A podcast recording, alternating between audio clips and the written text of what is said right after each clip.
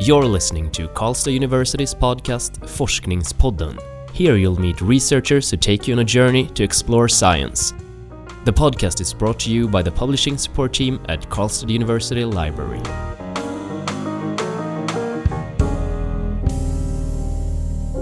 Hello and welcome. My name is Nadia, And I'm Magnus. and we are all living in a very digitalized world today. And more and more of our personal information is registered in network computers and servers, and often through internet solutions it can be found. So, um, stakeholders that are handling this personal information thus need to make sure that their systems are secure and maintain the integrity of individuals.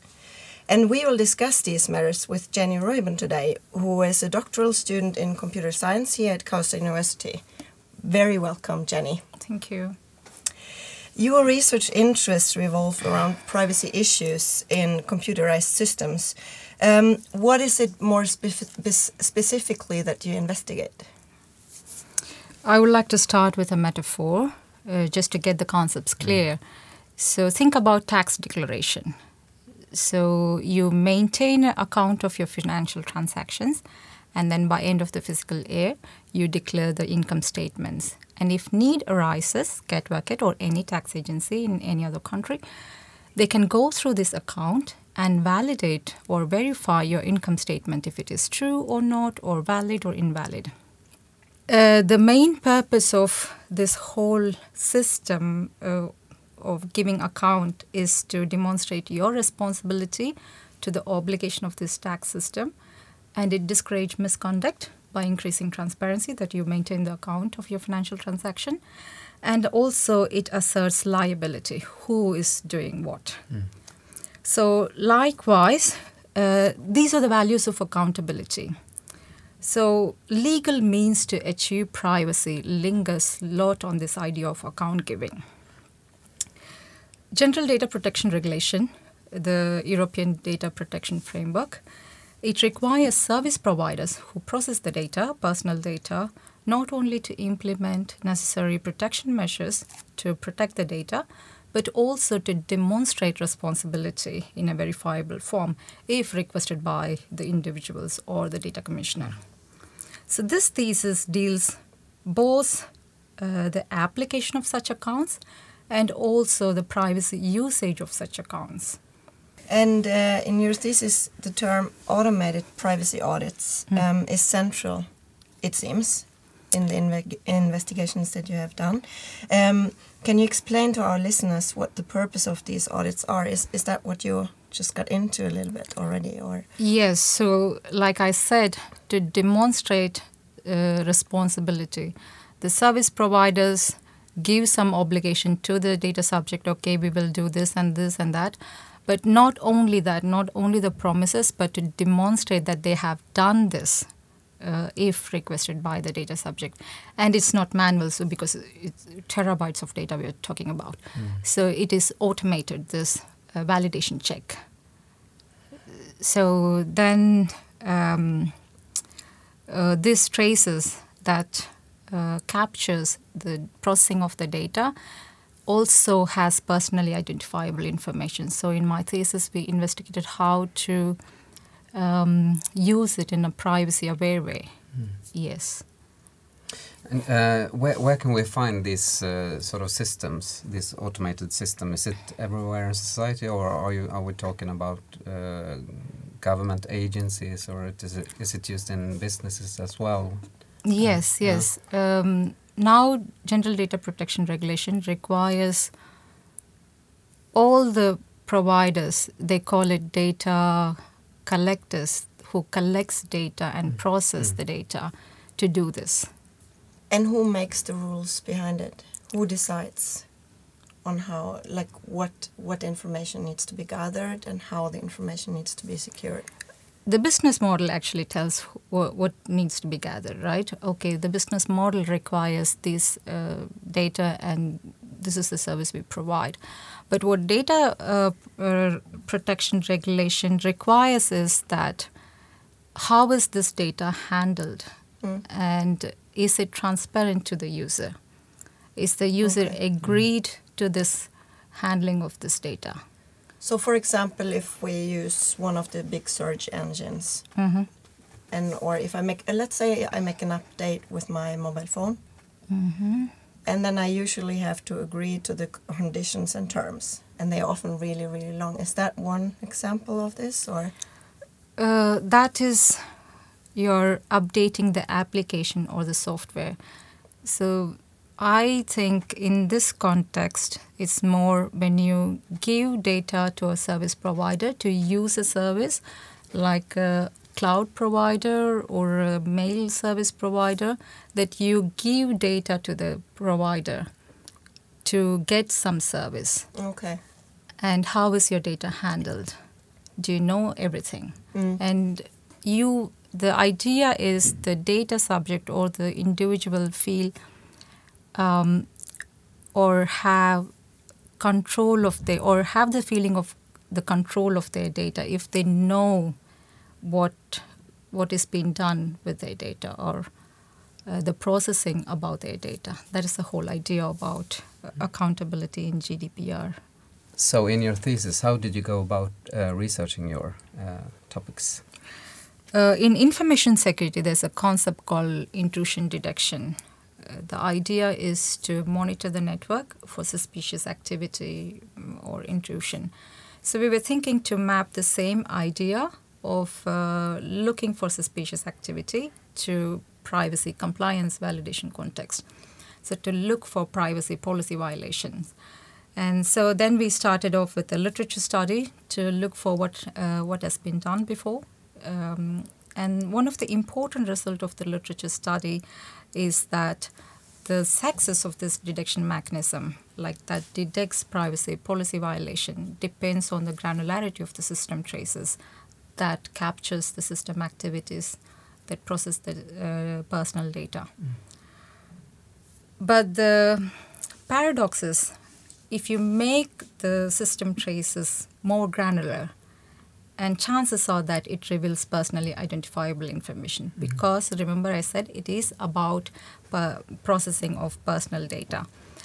So then we uh, started to look, look into the studies if there is uh, anything about study or if there is um, if the papers studied about privacy implication of these traces but there was a gap there was lack of information so then we had our second and third research question to study privacy implication of this system traces and further on how do you solve this uh, problem in a privacy friendly way So, can you give uh, an example of, of these traces? What what can they be in practice? How what what traces are we are we talking about? It could be like the obligation said that your data will be deleted in two years. hmm So that is the obligation, that is the rule. Yeah. And the traces or capturing the processing of the activities or when, uh, when one system access your data, that uh, transaction is registered in the trace. And then you look for the time frame and see is it deleted after two years. Mm. So that's just one example. Okay. But having a rule and then going through this uh, transaction and finding out if the rule is compi- com- uh, complied or not. Mm. Okay. Uh, so, what uh, are the most important findings do you think from your from your thesis? So one thing is, I s as I said, the application of uh, the system traces in, in this context of privacy compliance validation.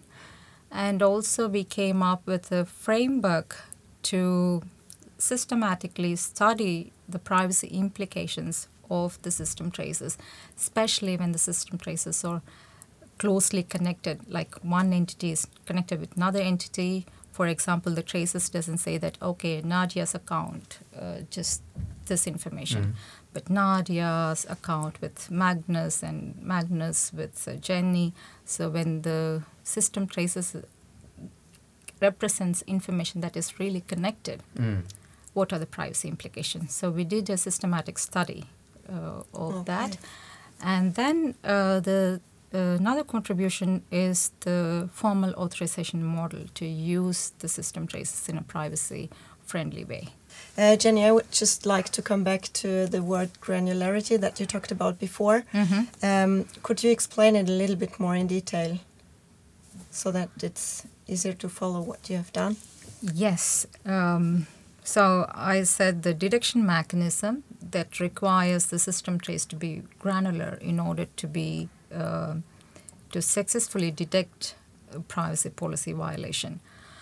But paradoxically, if you make the traces more granular, uh, chances are that you're leaking more information. For example, uh, that mm, if the traces says that system 1 touched data on system 2 this is more abstract uh, representation of the transaction that happened but the detection mechanism requires more detailed information of the transaction that happened uh, on your personal data if i take you. So mm, then the detailed version is like this okay? Uh, system one what is system one? Like maybe your login machine okay when did you log in? At what time you logged in? And then uh, what uh, service did you used and uh, further where you, your data transferred this detail is what the detection mechanisms are looking for but once you have this detailed information chances are that there is a lot of personal information in these traces so the further research questions are to study the privacy implication of these system traces. Okay. Hmm. Interesting, yeah. Uh, and how, uh, if we sort of widen the scope here a bit, uh, is is some? I mean, you mentioned that, uh, that there doesn't seem to be that many studies, uh, research studies, taking this into into account. Is this sort of a big lapse that you have discovered that uh, I mean, system providers need to think more about how to secure these issues? Yes, yes, because um, privacy is a really multiple aspect concept. So you have different values attached to this one single word privacy.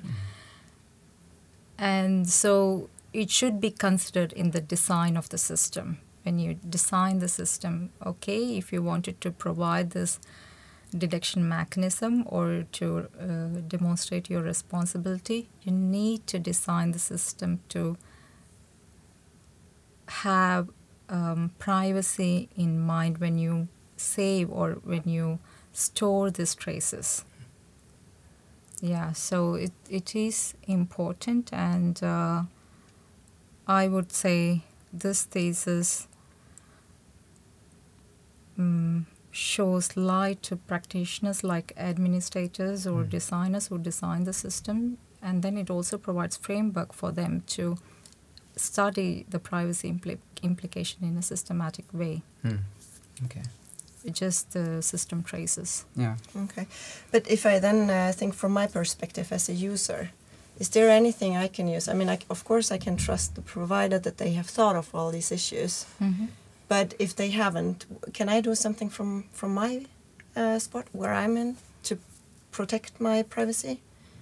What What are your best recommendations? How should I think? Do you have any?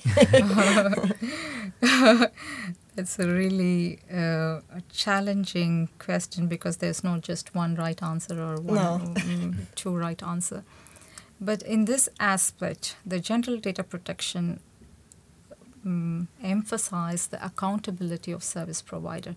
So as a data subject, as a user of the system, you can use this right of accountability and make the service provider accountable. You can ask for your data and you can also ask for okay is my obligation fulfilled? And then they have to give this mm, um, or they have to demonstrate their obligation in a verifiable form. You can verify if your obligations are fulfilled or not yes Where Where do I find the information? Is it easy? Did you look at that? If it's easy for me as a user to find the information, what actually is offered by the provider to me from a privacy privacy perspective? Because I mm. don't recognize it really. Like I, when I use services, it's not like the first thing I do is how do they use my information. And I think even if I would dig, sometimes I might not even find a perfect answer. Yeah. Is that right? Or Yes, yes. Um, there are. I know there are also research that makes the privacy policy more readable and usable. Uh, but I think um, the introduction of uh, GDPR gives or bring this transparency close to realization so Mm. that both the data subject and the service provider know what they are doing with their data with the data Uh, uh, to me, this uh, sounds like it, uh, it. It perhaps ties into the new uh, law that takes place uh, in Europe from next year in May on um, on protecting uh, personal data. Have you any thoughts about how that uh, might help, or will that increase this transparency that you talk about? yes actually i think we are uh, talking about the same thing Ah, okay. the general data protection regulation uh, replaces the data protection directive Mm. So directive is more that it's up to the country to decide on the uh, semantics of the directive. Now it became a regulation to the European uh, member states. So all have to follow this Mm. law. Does will it uh, affect your research at, at all? That it sort of, uh, I mean, because I I've read that you can be fined uh, something like 20 million euros if you don't follow this uh, this law from from next year. That I mean that is, it is an sort of an increase measures from the European Union to put Mm. pressure on on data service providers, for example. Yes. does that affect the way you um, your research in any way, or how you can um, Um, the benefit of your of your research, perhaps? Yes, so I wouldn't say it affects because I would say that is the thing because we started off with the regulation Yeah. in mind. So the regulation has the accountability values. So that is the values we are investigating in the study. And then we found out okay, um, so in order to do this demonstration of uh, responsibility, you need the traces, but the traces also leak some information. So Mm. how do we go back protecting them? And then the further research I'm right now into is in a very broad sense, uh, not just about traces, but also about releasing data in a privacy preserving way, Mm. whatever data. Uh, could be research data, it could be um, um, a social media network, da- network data. How to release data so that it is useful, but at the same time preserves the privacy of the individuals in the data. Mm. So, then I have another question on a more personal note. Um, who do you hope will read your thesis? Uh, I, as I said before, practitioners like system administrators, system designers who design systems that handles personal data. It would be helpful for those kind of people in that roles. All right, I think our time is almost coming to an end. But Magnus, do you have any more questions? I see your. Yeah, actually, I have a question. Uh, I was just wondering, can you describe a specific situation or event that was important to you during your PhD studies? Yes, um, I think the most important thing that happened to me was that I found a collaborator who's also interested in the same type of questions or same set of questions that I'm interested in. And that boosted my confidence a lot and then also gave me good motivation to continue uh, my research. Mm. Yes, so I found the challenges. uh, so, what would you be your best advice to new PhD students coming after you? uh, reach out to the community for feedback and help because it was intimidating in the beginning for me. You know, this voice that tells you, okay, what do you offer to this community? Wh- Mm. What do you have to offer to this community? But I took a very conscious decision to go out to the community for help and to get feedback. And then now, as I said, I found a co- collaborator uh, who is also interested in the same set of questions that I wanted to investigate. So that's the advice I would give to my fellow PhD candidates to reach out to the community for feedback. And don't be afraid. Yes. Yeah. That's great advice. Warm thanks, Jenni, for uh, guesting us here at you. Forskningspodden today, and good luck with your upcoming research. Uh, to our listeners, warm thanks for staying tuned, and we welcome you back next time. You have listened to Karlstad University's podcast Forskningspodden. The podcast is brought to you by the publishing support team at Karlstad University Library. All episodes can be found at cow.se slash forskningspodden.